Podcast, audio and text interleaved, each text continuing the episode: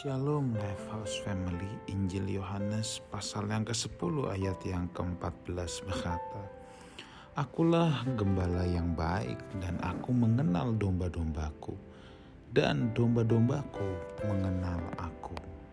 Saudaraku Tuhan Yesus adalah sosok gembala agung yang baik di mana di sini adalah sebuah metafora Tuhan gembala dan kita adalah domba-dombanya gembala berani mengorbankan nyawanya untuk domba-dombanya. Itu sebabnya di ayat yang ke-15 dikatakan, Aku memberikan nyawaku bagi domba-dombaku.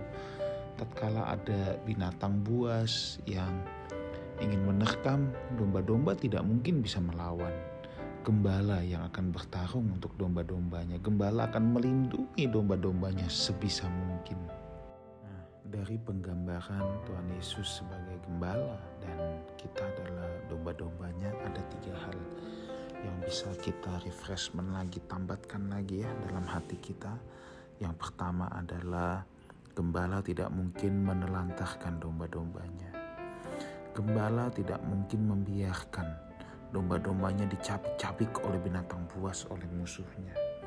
Oleh sebab itu saudara, kenapa kita harus khawatir sampai nggak bisa tidur, sampai cemas, sampai gelisah. Kalau kita tahu kita punya gembala yang baik, kalau kita tahu bahwa Tuhan Yesus gembala kita yang agung take control dalam segala hal. Kenapa kita harus khawatir berlebihan saudaraku? Ya. Nah hal yang kedua saudaraku yang bisa kita renungkan pada kesempatan ini adalah bahwa domba-domba. Mengenal suara gembalanya. Bukan hanya gembala mengenal domba, domba juga mengenal suara gembalanya. Saudaraku, pengenalan itu butuh waktu. Pengenalan tidak bisa instan. Pengenalan itu membutuhkan harga bayar. Itu sebabnya, adakah kita mau serius mengenal Tuhan? Tahu dengan mengenal itu adalah dua hal yang berbeda. Orang bisa tahu tentang Tuhan, tapi belum tentu dia mengenal. Itu sebabnya tahu dan mengenal adalah dua hal yang sangat-sangat berbeda. Orang yang mengenal pasti tahu, orang tahu belum tentu mengenal. Sekarang Bapak Ibu Saudaraku, maukah, maukah kita menyediakan waktu kita, menyediakan hati kita, pikiran kita, diri kita untuk kita mau mengenal Tuhan. Ini perlu harga bayar yang tidak murah tentunya. Perlu komitmen, kesungguhan hati setiap hari datang menghampiri Tuhan, melatih kesadaran dalam diri kita bahwa Tuhan hadir dalam segala aspek hidup kita.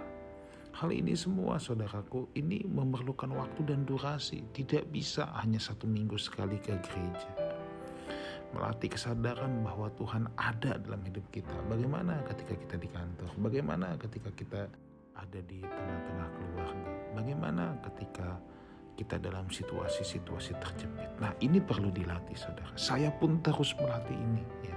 Dan saya percaya ini menjadi pergumulan kita bersama, saudara. Ketika kita lepas kontrol dalam segala sesuatu, maka sebenarnya kesadaran kita akan Tuhan sedang hilang Ya.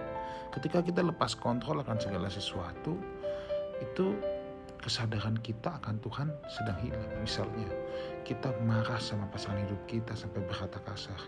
Kesadaran akan Tuhan saat itu sedang hilang. Ketika kita sedang di jalanan lalu marah, itu kesadaran akan Tuhan sedang hilang. Sama staf kita kita berkata kasar, sama bos kita kita kata-katain dia. Ya, itu kesadaran akan Tuhan sedang hilang. Nah, ini harus dilatih terus. Dan ini pergumulan semua orang, termasuk saya, termasuk pendeta. Ini pergumulan semua orang, saudara. Yuk kita sama-sama belajar melatih kesadaran akan Tuhan supaya kita lebih mengenal gembala kita yang baik. Yang ketiga saudara, ada kalanya gembala harus mendisiplin domba-dombanya. Mendisiplin dengan tongkat, dengan gebukan yang sangat keras sebab kulit domba itu tebal.